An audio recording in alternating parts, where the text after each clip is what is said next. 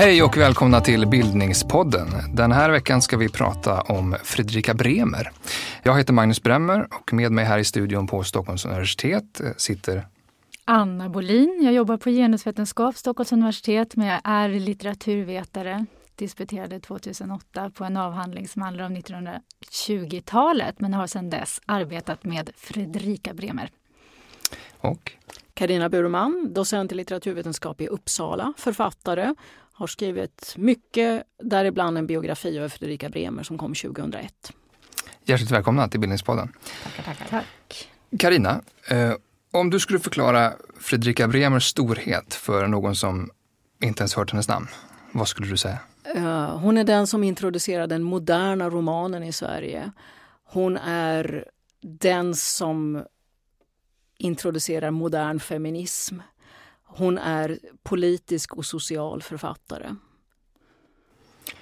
Du har kallat henne för en tuff brud i lyxförpackning. Ja. Vad menar du med det? det är lite grann en sorts eh, motståndsrörelse mot att hon ofta ses som en liten tant. Man tittar på människor från 1800-talet. Hon är alltså född 1801, dör 1865. Och så ser de så gamla och fåniga ut. Hon har alltid en liten löjlig mössa på sig. Och så tänker man den här människan kan väl inte ha någonting att säga mig. Och då har jag istället sagt att nej, men det här är en ung kvinna när hon debuterar. Hon är 27 år gammal vid sin debut. Hon är radikal tänkare för sin tid. Hon är rolig, alltså hon har ju humor. Det finns en lätthet hos henne som man inte kan tänka sig om man bara ser en bild på henne. Och vad det gäller den här lyxförpackningen så ja, dels kan man ju ta böckerna. Hon var väldigt mån om att hennes böcker skulle vara fina. Det skulle vara bra typsnitt, det skulle vara snyggt gjort, fina förlagsband. Men hon var ganska mån om hur hon klädde sig också. Hon var en societetsdam. Och liksom när man tänker sig henne när hon debuterar då som författare en, i såna här senampirkläder och en liten kvinna, liten lätt. Hon vägde 46 kilo när hon var 40 år gammal. Och liksom med väldigt mycket energi och riv i.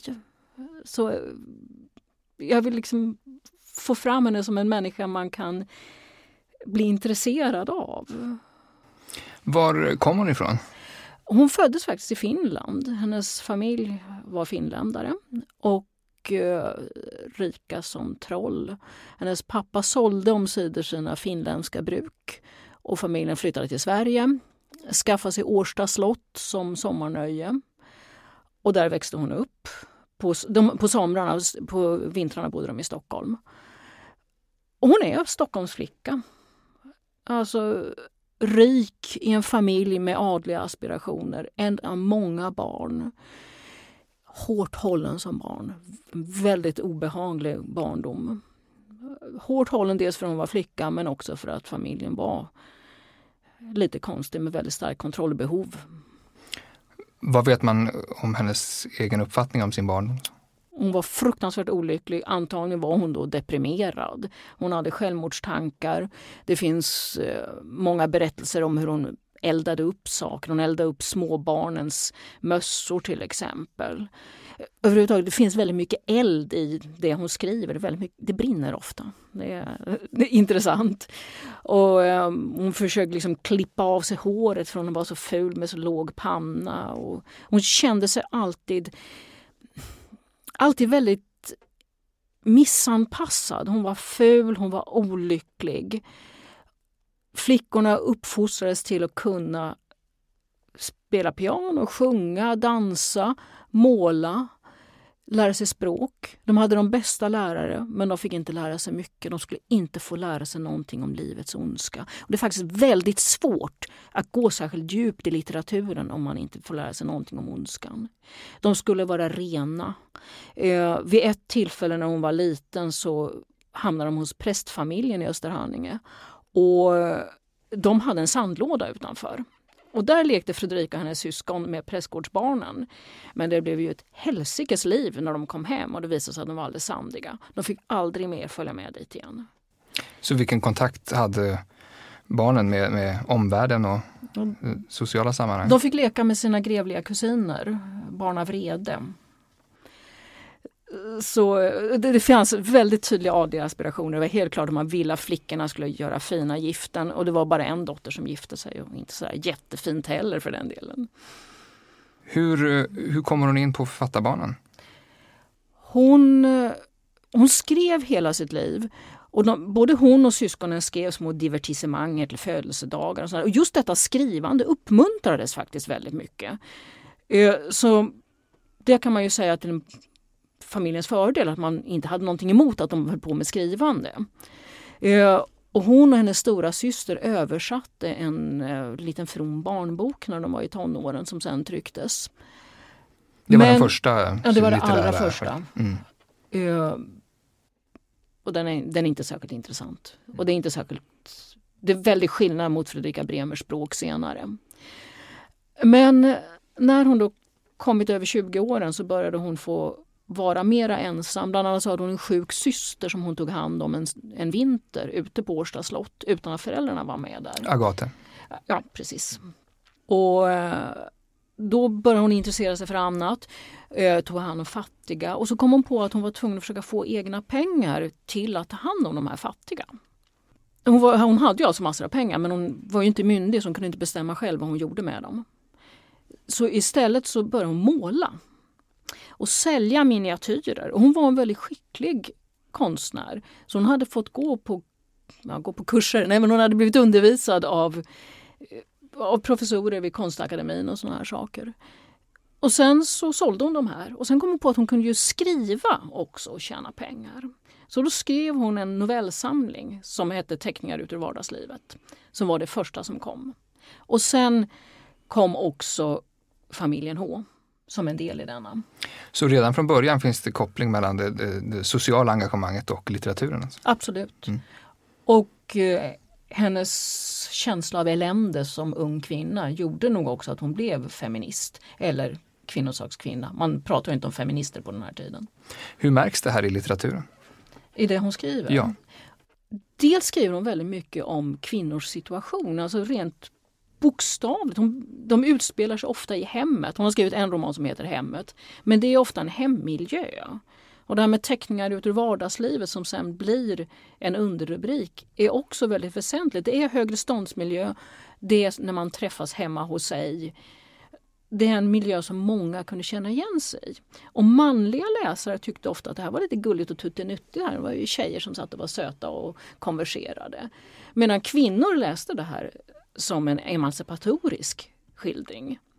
Och det handlar väldigt mycket om hur flickorna eh, hittar sin väg, hur de bestämmer sig för vad de ska göra, hur de blir, de lär sig, eller de, de börjar studera på ett eller annat sätt. Naturligtvis inte på universitet för det kunde man ju inte göra. Eller de eh, bestämmer sig för att gifta sig med någon som är intelligent och rolig istället för med någon som är snygg och dum i huvudet.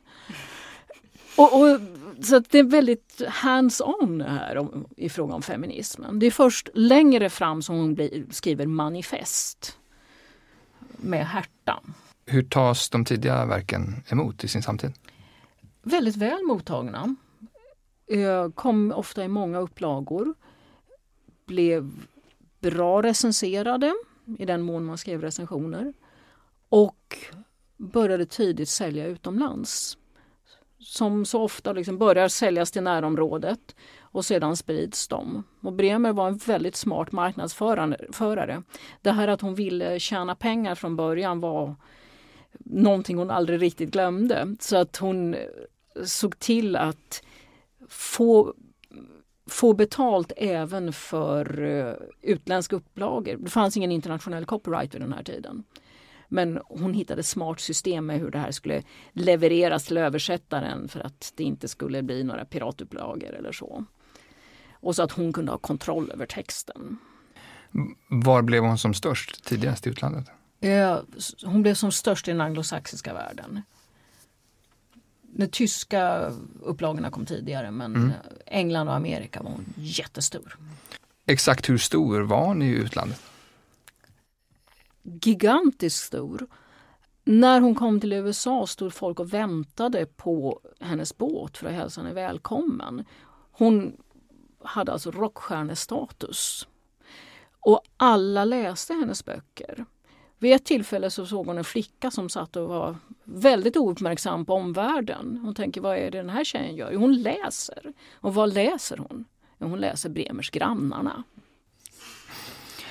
Om vi tar ett, ett skutt framåt i tiden eh, till Herta. Får jag tillägga ja. en sak? Ja, visst, gör det om hennes tidiga böcker. En sak som jag tycker om med hennes romaner det är just när att de har karaktären faktiskt av självhjälpsböcker för 1800-talet. Bremer driver ju hela tiden starkt den här tanken att varje människa måste få utveckla sig själv. Det som är viktigt för varje individ är olika och det måste komma till uttryck. En av mina favoriter är Presidentens döttrar, där ju det är hela idén med romanen för att presidenten har rätt många döttrar och alla är olika och alla behöver sin typ av uppfostran. Och eh, i nästan alla Bremers romaner så finns det med en djupt deprimerad karaktär. I flera av, av romanerna så finns det till och med gestalter som överväger självmord. Och det var ju en synd vid denna tid som nästan inte går att föreställa sig.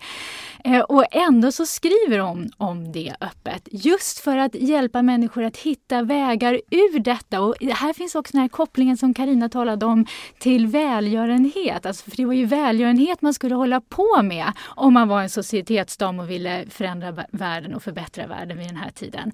Men när hon kommer på att hon kan skriva romaner och göra det som hon älskar och genom genom det också förbättra världen för mänskligheten. Det är då allt faller på plats för henne. Och det är så underbart och det slår igenom i alla hennes romaner egentligen och ända från början. Hon skriver om kärlek, ja, men just hur tar man, vad är det som är kärlek? Hur tar man den på allvar? Vad ska den innebära och vad innebär den för olika personer? Det är det hon undersöker. Ja, hon tycker ju faktiskt det är lite tråkigt att skriva om kärlek hela tiden. Hon försöker låta bli. Men så inser hon att det här är vad publiken vill ha så hon måste ha med kärlek på något sätt. Även om det blir kärlek till bildning. Ja, och även om den ibland blir väldigt sekundär. ja. Men jag tänkte också apropå det här med de tidiga romanerna. Det som ju också är så viktigt är hur, hur hon skriver. Mm. Hennes stil. Mm. För hon skriver väldigt modernt. Det är, att säga pratigt låter lite lite negativt. Men det är alltså en sorts konversatorisk ton. Och människor pratar så man hör dem tala, man hör att det finns röster där. Och det här är, det är banbrytande ja. i svensk litteratur? Oh ja. Mm. Ja, eller i och för sig, det finns ju konversatorisk ton i den gustavianska dikten, men inte på det här sättet. Det finns alltså en sorts realism i hur människor pratar. Och det är så samtida. I den här eh, långnovellen, kortromanen Axel och Anna som finns med i teckningar ur vardagslivet så är det alltså, den utspelar sig bara ett par månader innan boken kommer. Det känns så äggande nära i tiden och det tas upp politiska händelser då den sommaren. Och sen är det unga människor som pratar som unga människor gör. Och för oss är det ju människor som pratar på 1820-talsspråk. Men för den tiden var det det mest aktuella sättet att tala. Vad vet man om läsarreaktioner och läsarkontakter eh, i den här tiden?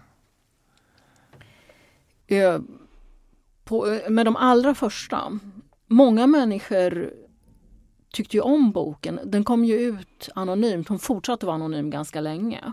Och sen så sipprade det här ut. Men eh, hon blev också själv uppmanad att läsa den här jättebra boken. Av någon i sin bekantskap? Ja, hon, hon hade en herre till bordet på en middag som började prata om Oh, har du läst den här? Det är en så fantastisk bok. Eller han sa inte du förstås, han sa mamsell Bremer.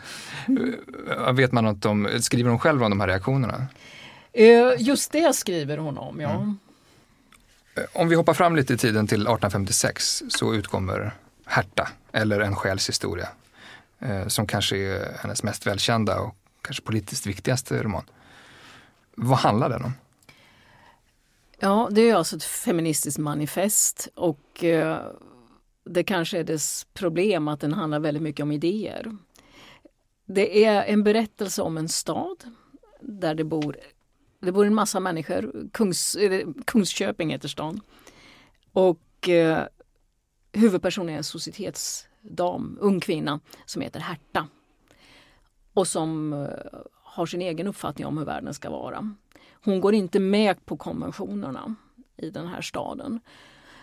Och det hela inleds med en balscen där de sitter och pratar och och till slut frågar någon vad tycker du om det här med män? Och då säger hon jag tycker det är en skam att det, man ska behöva gifta sig med någon som alltid är småberusad.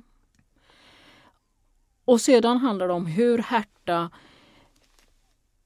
finner sig själv och börjar försöka förändra världen. Och det är en stor brand inblandad där hela stan brinner ner. Herta är en hemsk pappa som hon räddar ur branden, ingen läsare som förstår varför. Eh, han är verkligen fullkomligt vidrig. Det visar sig att han har stulit hennes morsarv. Och, ehm, men sen glider det här över i en nästan utopisk skildring av hur man bygger upp staden, hur man talar med kvinnorna om hur de vill ha hemmen ordnade, hur köket ska vara för att vara praktiskt. Och Herta bildar skolor där hon undervisar framförallt flickor i ja, dels vanligt vetande men också någonting som är någon sorts ja, ska vi kalla det, feministisk eh, aktions... Eh, ja, praxis eller? Söndagsskolan. Ja. Ja, det är ju liksom en utbildning, utbildning till ett högre medvetande. Och det, det är ett slags feministiskt universitet egentligen. Ja, ja, det skulle man kunna kalla det som. Feministiskt kvällsuniversitet. Ja, precis. Fanns det någon liknande miljö nej, i Sverige? Nej, absolut inte. Bremer hade själv skaffat sig sin egen universitetsutbildning inom citationstecken för att hon lärde känna en väldigt trevlig präst som hette Per-Johan Böcklin och som hon först anställde för han skulle vara någon sorts privatlärare åt henne. Och han fick in henne på att studera teologi och filosofi. Hon läser i tre år och börjar alltså lära sig ifrågasätta och lär sig just akademiskt tänkande, vilket ju inte kvinnor förväntades göra. Och eftersom det är tre år så kan man säga att det, det var lite grann en universitetsutbildning, en grundutbildning som hon fick där. Så i Herta väcker hon frågan om, om, kvinnans myndighet men också skissar på feministiska universitet och så. Hur, ja. hur togs det här emot i, i, i tiden? Ja, det var väl med Herta. Hon förstörde sitt goda rykte helt ja. enkelt för att hon hade varit väldigt hyllad fram till dess. Men Herta blev för magstark för de flesta faktiskt, även för många av hennes vänner. Och en av anledningarna till det var att hon gav kvinnan väldigt specifika uppgifter i Herta. Eh, nöjde sig inte med eh, att kvinnor skulle vara lika mycket värda som män utan kvinnor hade också en särskild frälsargärning. För Bremer gjorde en väldigt smart teologisk vändning. Det här med att eh, Eva skapades efter Adam enligt en av Bibelns två skapelseberättelser, ska väl tilläggas. Det har ju ofta använts som argument mot kvinnor, att eh, kvinnor skulle vara sekundära varelser på något sätt. Men Bremer vänder på detta argument, eh, säger att här är ju beviset för att kvinnan är Guds sista ord till mänskligheten, bär vittnesbörd om vad Gud vill med mänskligheten i kvinnan har Gud lagt ner sin kärlekslag. Eh, så att, och det förpliktigar. Så att kvinnan har speciella eh, uppgifter i, för världshistorien helt enkelt och för Guds plan med mänskligheten. Och det, det, det här tyckte många faktiskt var att gå över gränsen. Så var hon vad man idag skulle kalla för en likhets eller särartsfeminist? Ja, men vad bra att du tar upp det där, för att just de här begreppen likhetsfeminism och särartsfeminism fungerar inte riktigt på Fredrika Bremer. Och det, det, som hon är ett väldigt bra exempel på hur de här begreppen ibland kan ställa till mer än de förklarar. Därför att Bremer var å ena sidan, ja absolut särartsfeminism på det sättet att hon hade en romantisk syn på kvinnan. De menade att eh, kvinnan stod, eh, hade ett innerligare liv och eh, hade liksom mer kärlek att, att ge. Men samtidigt var hon likhetsfeminist på det sättet att hon menade att kvinnan ska kunna delta i alla möjliga samhällsuppgifter och bidra på samma sätt som män till, till samhället.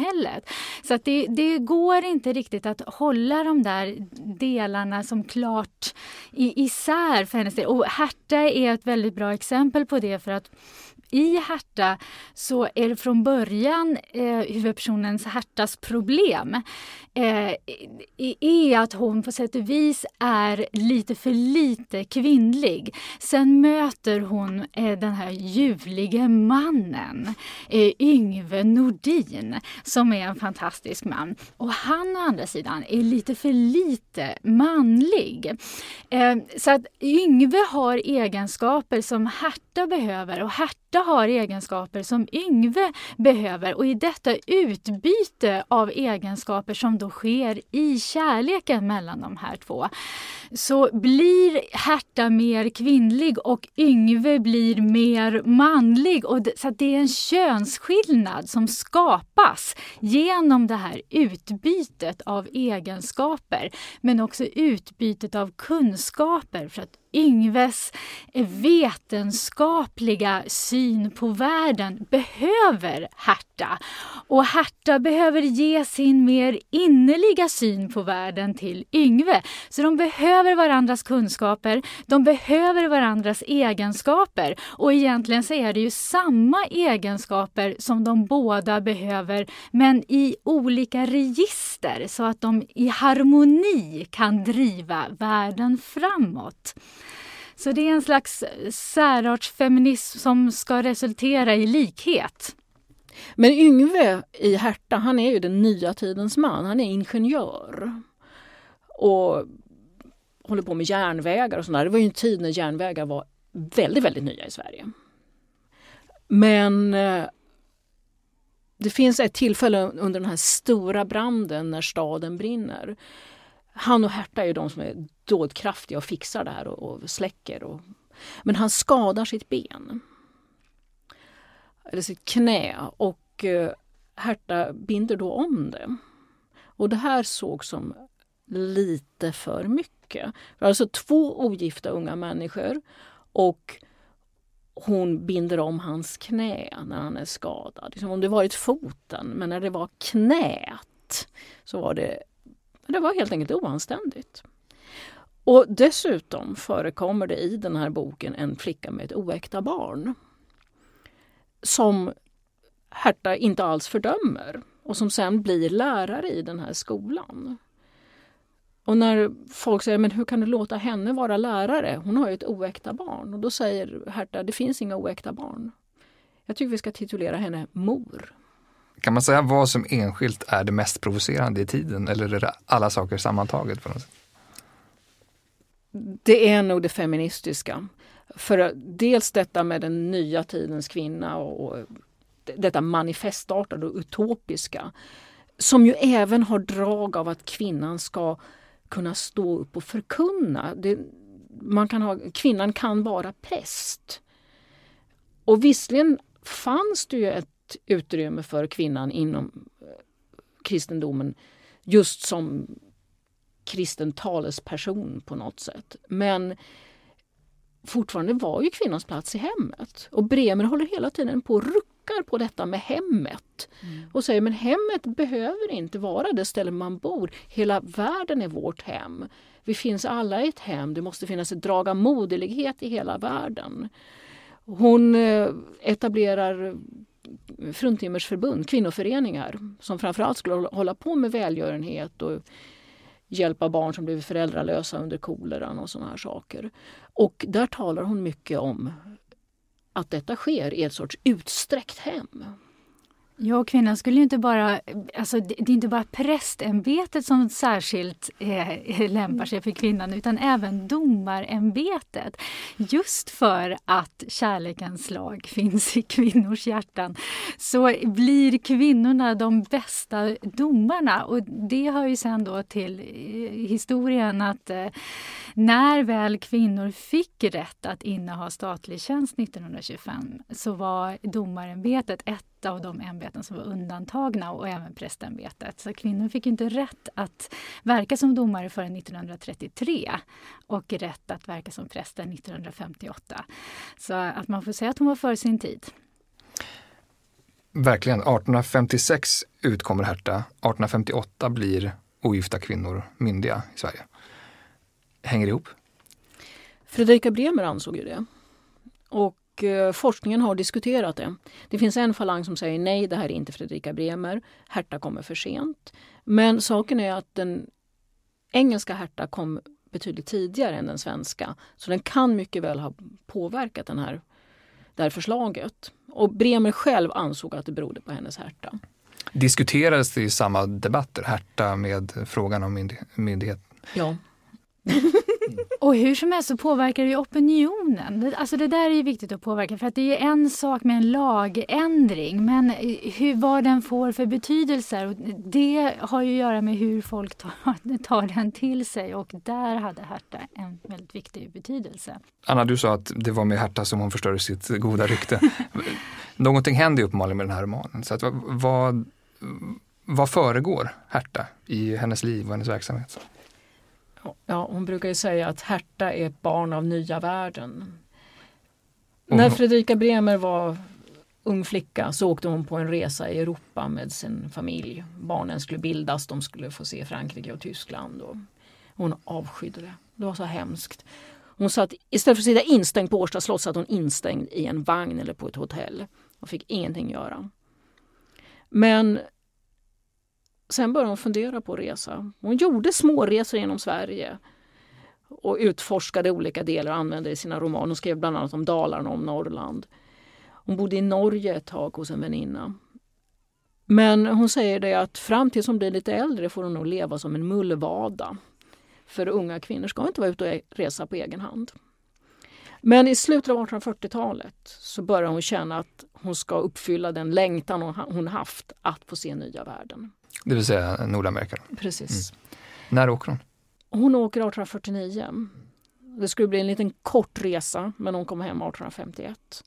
Och då har hon då varit, åkt runt i Nordamerika och varit på Kuba. Och så varit på, i England ett tag på tillbakavägen. Först hur, hur ovanligt är det i den här tiden att en kvinna reser ensam? Det är mycket ovanligt att en kvinna reser ensam i den här tiden. Och när vi säger reser ensam så är det alltså ensam. Ensam, det är inga, ingen piga med, ingen kammarjungfru, ingen sällskapsdam. Utan det är Fredrika Bremer som sätter sig på en båt och åker till USA. Det fanns ju kvinnliga resenärer, de var ju väldigt få men en av de som inspirerade henne var den brittiska journalisten Harriet Martineau som hade varit i Amerika drygt tio år tidigare. Och, och Martineau inspirerade Bremer också på ett annat sätt, nämligen att Martineau var mycket mer hårdför feminist än Bremer var från början. För Martineau argumenterade på det sättet att om kvinnor inte har rösträtt, då behöver de heller inte följa lagen, för man har inte gett sitt samtycke till lagen. Det tyckte Bremer först var att gå till överdrift. Hon var inte helt säker på det där med med kvinnlig rösträtt från början. Men det var en av de saker som hon blev övertygad om när hon reste runt i Amerika. Att kvinnlig rösträtt behövdes. Hade hon... Ja, förlåt. För, äh, am, äh, Amerika och rösträtten. Där var det ju också, började ju komma äh, feministisk, en feministisk rörelse som sa att det var ett brott mot konstitutionen när kvinnor inte hade rösträtt. För där står det att alla människor är skapta lika och alla har samma rätt att vara med och rösta. Och då ska även kvinnorna vara med. Så det här börjar liksom dyka upp under den tiden Bremer är i Amerika och vi vet att hon läste de, ja, de tal och sånt som kommer från de här på tillbakavägen därifrån. Mm. Den första konferensen som brukar kallas startskottet för den amerikanska kvinnorörelsen eh, ägde rum 1848 i Seneca Falls. Och det är ju det som sen inspirerar den eh, europeiska kvinnorörelsen. Så man kan säga att bara liksom själva idén om en kvinnorörelse startar vid den här tiden. Och det är också någonting som Bremer eh, har med sig eh, sen den här idén om organisering som i hennes samtid verkade eh, alltså löjlig, rent ut sagt. Men som sen, i början av 1900-talet, av den kvinnorörelse som då var internationell och som liksom, åkte på konferenser till varandra i stupkvarten. De uppfattade den här tanken som profetisk. Det är helt rätt. Och det fanns ju en massa kvinnosakskvinnor tidigare och har alltid funnits. Mm. Men de har ofta varit individ, individer som har kämpat för någonting. Mm. Det som händer här är att man går tillsammans, man bildar föreningar. Och där är ju även Bremers fruntimmersföreningar för välgörenhet en del i det här, för de har också ett emancipatoriskt element. Mm. Vad skrev hon om slaveriet? Hon var ju oerhört kritisk mot slaveriet men intog samtidigt en hållning som gjorde att alla blev irriterade på henne av henne. Hon var ju inbjuden eh, till Amerika av eh, slaverimotståndare och sen reste hon i södern. Eh, och blev inbjuden att bo eh, hos slavägare och mottog den inbjudan. Också för att hon ville undersöka, hon ville förstå hur det här systemet fungerade. Hon ville tala med slavar och med deras ägare. Eh, och det, bara detta att hon bodde hos de här personerna gjorde ju hennes vänner i norr rasande. Ja, och samtidigt är det här så typiskt för Bremer med hennes totala öppenhet. Hon vill se hur alla sidor ser på saken. Hon vill fråga alla. Just när hon går ut och talar med slavarna på fältet, frågar hur deras liv är, smakar på deras mat, eh, bedömer den och säger ja den var god, den var kanske lite pepprig för min smak. Men eh, och det är samma sak som hon alltid gör, hon går ut och pratar med människor. Hon är, hon är öppen för all, allting som finns. Eh, undersöker olika sorters religioner, undersöker olika slags människor. I, eh, när hon är i Palestina så är hon i, i harem och talar med haremsdamerna och frågar liksom, vad tycker du om kvinnoställningen då? Och det är så fascinerande. Alltså, Medan de flesta av oss fastnar i vår attityd. Vi, vi vill inte prata med motståndarna utan vi vill bara prata med de som tycker som vi själva. Vi följer ingen som inte tycker om oss själva på Twitter. Utan det, jag vill bara se min värld. Så öppnar Bremer för allting. Och sen var hon ju också väldigt viktigt för henne att slaveriet bryter ju ner inte bara slavarna utan också slavägarna. Detta att äga en annan människa är så korrumperande så att man liksom ens mänsklighet mer eller mindre upphör. Eh, alltså hur systemet bryter ner alla som deltar i det eh, är en viktig tanke för henne också. Och under amerikanska inbördeskriget då skriver hon till sina amerikanska vänner jag gråter när jag tänker på hur de bombarderade vackra Charleston där jag minns hur rosorna blommade. Men det här måste ske. Vad hade hon för uttryckliga syften med sin resa när de gav sig iväg? Hon ville se hur kvinnans ställning var i den nya världen. Hon tänkte att hon tänkte sig att Europa var den gamla kontinenten. Man hade en uppfattning om hur kontinenter åldrades och nya kontinenter tog, tog vid. Och medan Europa var gammalt och höll då på att falla tillbaka och falla i skymundan så var Amerika på väg upp. Och framförallt då Nordamerika. Och då tänkte hon sig att kvinnan där skulle ha en bättre ställning än i Europa och vara mer frigjord och kanske också vara in, en intressantare människor. Människor som vågade tänka själva. Sen blev hon ganska besviken på många amerikanska kvinnor för hon umgicks ju då bland fint folk och en societetsskönhet i USA var precis lika korkad som en i Sverige. Hon var ju också intresserad av att studera olika religiösa samfund. Och då får man komma ihåg att när Bremer åkte iväg på den här resan så var det förbjudet för eh, en svensk medborgare att lämna Svenska kyrkan. Utländska medborgare som kom hit hade rätt att utöva sin religion. Men om du var medlem i Svenska kyrkan så fick du inte lämna fram till 1860.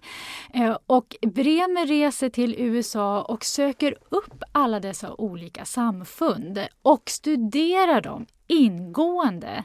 Eh, och det gör hon också när hon reser på sin andra stora resa till södra Europa och till, till Palestina.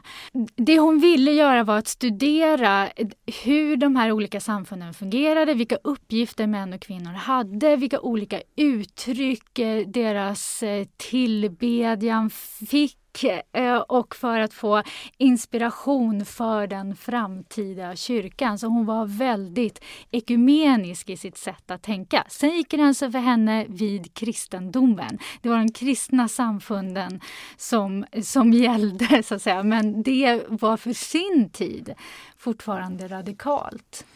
Men så här hänger den kvinnliga emancipationen och, och religionen i, samman igen? Att... Det gör de definitivt. Och det där tycker jag är så viktigt för att det är ofta som man hör att uh, olika religiösa uttryck bara liksom, har varit dåligt för kvinnor och för kvinnoemancipation. Och det som stämmer ju naturligtvis på många sätt men man får inte glömma bort att det också har öppnat för emancipation och framförallt att det helt enkelt inte går att tänka kvinnoemancipation utanför religiösa uttryck. Under 1800-talet i Sverige så var den protestantiska tron folks sätt att tänka. Det gick inte att ställa sig utanför det, utan då handlade det om att ta utgångspunkt i detta och att formulera det på ett sätt som öppnade eh, för kvinnor, kvinnors samhällsdeltagande. Och det var det Bremer gjorde. Mm.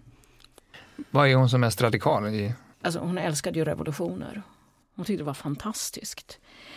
Det var ju några små revolutionsungar i Sverige på 1840-talet. Hon blev jättespänd och vi vet ju att hon läste Marx.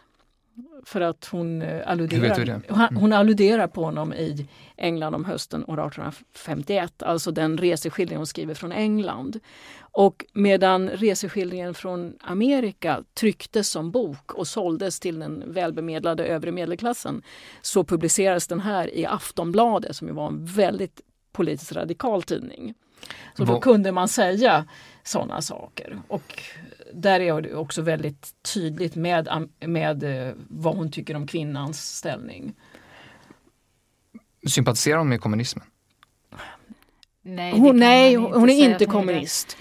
Men någon sorts kristen socialism ja, de... intresserar hon sig för. Den delen av socialismen som förlorade. För att hon, hon står ju på en väldigt tydlig kristen grund.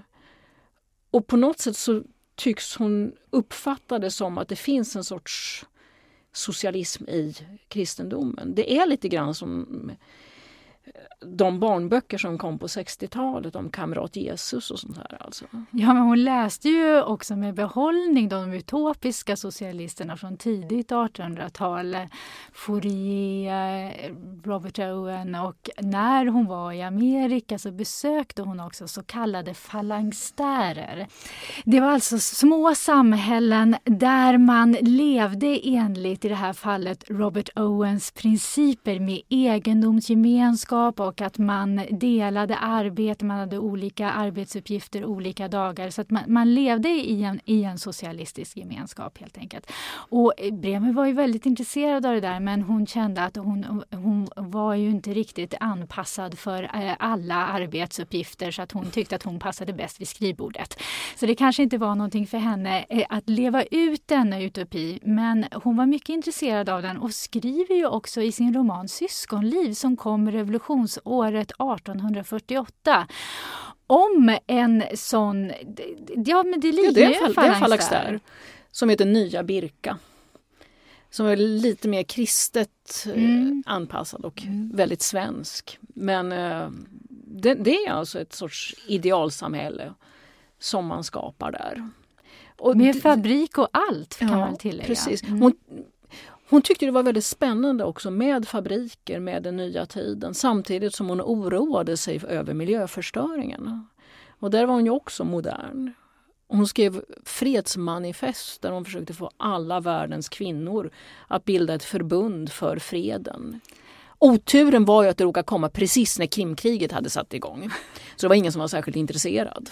Men det här eh, fredsmanifestet är ju också intressant för att det är ju också del i den här historien hur kvinnorörelsen har använt Bremer. För det som är intressant med Fredrika Bremer är att hennes tänkande och hennes författarskap är så brett. Så att kvinnorörelsen har kunnat gripa tillbaka till henne i alla tider faktiskt och alltid hittat någonting efter sin smak. För att direkt efter att hon hade gått bort i slutet av 1800-talet så var hon mest känd som de gifta kvinnornas vapendragare, alltså mamsellernas vapendragare. Att hon var känd för just att ha drivit fram den här myndighetsreformen. Eh, att ogifta kvinnor också fick sitt människovärde. Men i början av 1900-talet när Clara Johansson och Elin Kleman gav ut Richard Bremers brev och började aktualisera henne för den tidens kvinnorörelse, då var det andra saker som man tog fasta på. Och just den här fredsappellen var viktig för de hittade ju den. Den var ju bortglömd. Den var ju så pinsam i sin egen tid så att den var totalt bortglömd. Mm. Det tidiga 1900-talets kvinnorörelse får ju en sorts explosion under första världskriget när man hittar ytterligare en ett ämne för kvinnornas samarbete, nämligen freden. Och Klara Johansson och Ellen Kleman var ju då mycket engagerade i Fredrika Bremer och hade börjat med utgivningen av Bremers brev. Men eh, man, eh, man började också slåss för freden, kvinnor gemensamt. Man gjorde alltså ett internationellt fredssamfund som var samtidigt ett kvinnosaksförbund. Ja, kvinnorörelsen, alltså för rösträttsrörelsen, ombildades till en fredsrörelse. Precis, och man börjar med fredssöndag som, när alla då skulle manifestera kring freden. En annan sån här tecken på Bremer och kvinnorörelsen är ju Fredrika Bremer-förbundets tidning som hetat Dagny fram till 1914 byter namn till Herta, vilket den fortfarande heter. Har det med konjunkturen för Bremers arv att göra? Jag tror faktiskt det beror på att Ellen Kleman hade blivit redaktör för den och hon levde ihop med Klara Johansson. Och de här två var ju de som lyfte fram Bremer i ljuset. Jag undrar var Fredrika Bremer hade varit i vår litteraturhistoria om inte Johansson och Kleman hade jobbat för henne. Och sen kom ju på 20-talet Ellen Klemans biografi över henne. Hur är det på 60 och 70-talen? Ja, det intressanta är att Bremer plockas fram även då. Och när Karin Westman Berg startar sina seminarier om kvinnolitteratur som från början ligger utanför akademin men som sen blir startskottet för den feministiska litteraturvetenskapen och för mycket feministisk forskning överhuvudtaget inom akademin. Då är Bremer en av de första som man plockar fram och det som intresserar då är bland annat hur litteraturen är aktivistisk och är med och driver fram ny lagstiftning som till exempel den här myndighetslagstiftningen. En tidig studie heter Fredrika Bremer och verkligheten. Eh, en annan tidig studie är Birgitta Holms Romanens mödrar som säger någonting annat om detta, nämligen eh, hur romanen då får en kvinnlig röst, den kvinnolitterära traditionen som radikalfeminismen lyfter fram som alltså kvinnokultur är en viktig del av kvinnorörelsen på, på 70-talet. Och där får alltså Bremer också en eh, viktig betydelse. Jo, liksom alla stora författare så har Bremer blivit sån att varje tid har sin Bremer. Eh, Jan Kott skrev Shakespeare, vår samtida, på 1960-talet och det är samma sak med Fredrika Bremer. Hon är alltid vår samtida. Men är det olika delar av hennes verk som har blivit mer eller mindre aktuella i olika tider? Och så? Ja, självklart. Det är ju ett väldigt stort verk och det var ju ett långvarigt författarskap. Och det är alltså ett det är ett eh, stort författarskap även rent volymmässigt. om man håller på med en poet så kan man ju tala om små volymer men till exempel eh, Nina är på vad är det, 800 sidor eller ja. någonting sånt där. Och eh, reseskildringarna är ju båda i tre tjocka volymer. Så att det är alltså volymmässigt väldigt stort på 60 och 70-talet? Är det andra verk som plockas fram då i jämförelse med 20-talet till exempel? Ja, det är framförallt familjen H som blir viktig för Birgitta Holm i hennes romanens mödrar. Det här med att eh, Fredrika Bremer eh, är startpunkten för den borgerliga realistiska romanen i Sverige. Det är ju Birgitta Holm som, som slår fast det. Så eh, familjen H får ju en, en ny status i, i och med detta på 60-70-talet var ju också Herta väldigt viktig. Det här med Fredrika Bremer i verkligheten, då är det Herta det handlar om. Och Herta har väl stått sig genom historien. Den har ju alltid varit aktuell. Det är den svenska emancipationsromanen framför alla andra. Ja, jag har läst den med studenter och vid något tillfälle så sa de att det här var ju jättekonstigt och då var det väldigt unga studenter. Så läste jag med en lite äldre grupp som sa det är helt fantastiskt. Tänk att hon vågade säga det här. Och det finns så mycket i den, men ibland känns den lite tung. Till skillnad från familjen H och grannarna, jag lyfter gärna fram grannarna som jag tycker är en väldigt bra bok, så är Herta ibland lite tungrodd. För att det är så väldigt många principer som hon måste hinna gå igenom. Det är lite grann som när man eh, gör upp en dagordning och man måste komma igenom alla punkterna. Vad hos Fredrika Bremer är som mest aktuellt idag? Jag skulle säga Bremer som sanningssökare. För det är svårt tycker jag att, att säga ett verk som man bör läsa idag. I så fall om jag var tvungen att säga det så skulle jag säga Herta. För att det är en sån viktig historia för oss trots allt. Men just det här som att hon väjer inte för någonting när hon söker sanningen. Hon skriver på ett ställe ljus, ljus framför allt, även om jag därvid såg mig själv kolsvart. Alltså hon har en väldig självdistans i alla lägen och vill verkligen liksom, tänka igenom alla frågor från början till slut. Och där tycker jag verkligen vi har någonting att lära. Och sen är hon rolig. Hon har såna drastiska formuleringar som till exempel när hon träffar påven och tycker att han eh, är insockrad och kristalliserad. Eh, så, Vad menar hon då? ja, hon är som sagt väldigt kritisk mot katolska kyrkan och tycker att, eh, att eh, hans yttre bär eh, vittne om ett gott kök men kanske inte så mycket om ett inre liv. Eh, och menar att hans inre liv har blivit förkvävt. Så det är en väldigt kritisk mening bakom det. Men, men just de här drastiska formuleringarna och den här lättheten i, i prosan som gör att hon är njutbar att läsa. Vilket är det mest oväntade sättet som hon är aktuell idag? Hon skrev om djurrätt. I Grannarna så är det väldigt mycket djursymbolik. Alla har sitt eget symboldjur. Men berättaren Francisca, berättar också om vikten av att man har djurrättslagar som man använder. Till exempel då hur man ska behandla djur, hur man ska om man ska döda djur, hur man ska göra det. Allting ska ske på ett humant sätt. Att man inte ska döda djur i onödan. Vilket är väldigt, väldigt framsynt. Bremer trodde ju också att djuren hade en själ. Vilket teologerna på hennes tid sa att det hade hon totalt fel i. Men då säger hon att vadå?